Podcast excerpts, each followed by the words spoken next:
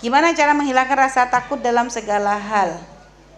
Rasa takut dalam segala hal karena kurang tawakal kepada Allah. Ya, di saat kita tidak bertawakal kepada Allah, kita akan selalu takut, takut nanti masa depan kita gimana, takut nanti kita begini, takut itu, takut stres. Akhirnya dari takut nanti muncullah rasa was-was. Kalau sudah was-was kelamaan keberatan akhirnya jadi gendeng. Ya, Makanya lawan dong, yakin. Kenapa? Artinya semua perjalanan hidup kita ini ada Allah yang mengatur. Ente hari ini makan, ente sekarang tidur, besok ente ngapain? Ada Allah yang ngatur. Kenapa ente harus menakut, harus takut kepada sesuatu yang masih belum terjadi? Takut nanti anak gimana? Takut nanti kira-kira anak ini bisa dapat suami enggak? Ngapain ente pusing? Kalau sudah waktunya akan datang. Kalau belum, biarpun ente keliling dunia nggak ketemu gitu loh. Jadi biarkan semua berjalan. Nanti gak usah pusing. Sekarang yang ada di hadapan ente aja hadapi. Saat ini ente dapat tugas belajar belajar. Besok ujian ya ujian. Gitu aja.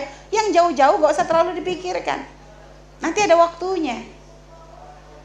Itu jadi jangan kebur karena nanti ente mikirin anak nanti gimana ya? Anak nanti ke depannya apa bisa anak menjadi orang begini? Apa nanti bisa ilmunya manfaat? Anak nanti bisa mengajar? Ya sekarang ini ente daripada capek mikirin yang penting sekarang ente bener-bener gitu aja sudah ente sibukkan dengan khidmah, ente sibukkan dengan memperbaiki akhlak, ente sibukkan untuk menjadi orang amanah, ente sibukkan menjadi orang manfaat bagi orang lain, ente sibukkan dengan belajar, sungguh-sungguh ibadah yang bagus. Itu.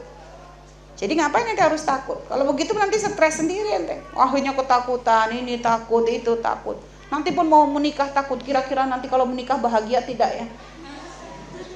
Ya stres. Kalau emang kayak begitu, diem aja di kamar ente nggak usah ngapa-ngapain dekem aja di situ. Kayak gitu loh nak. Jadi nggak usah nggak ada perlunya takut. Anak kecil aja berani kok. Anak kecil tuh lihat padahal tahu kalau latihan jalan nanti jatuh lagi. Tapi nyoba lagi. Baru jalan satu dua langkah jatuh lagi. Nggak kapok-kapok. Ibunya udah menggeh-menggeh dia nya nggak kapok. Itu kan luar biasa. Ya, kadang kita ini kalah dengan anak kecil. Waktu ente kecil kayak gitu kenapa giliran gede ente lembek kan gitu itulah nak ya.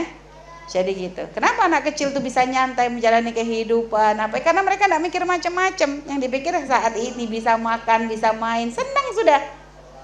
Dan kunci untuk semakin bisa tawakal perbanyak syukur kepada Allah. Syukuri apa yang kamu rasakan saat ini. Semakin syukur akan semakin Allah tambahkan nikmat. Kan begitu lihat. Jadi rentetannya panjang. Ya tawakal pasrahkan urusan dengan Allah. Syukuri apa yang kamu dapatkan hari ini Lalu serahkan urusanmu kepada Allah. Allah tahu yang terbaik. Minta kepada Allah yang terbaik. Gak usah pusing. Jangan dihayalkan dulu. Itu ya.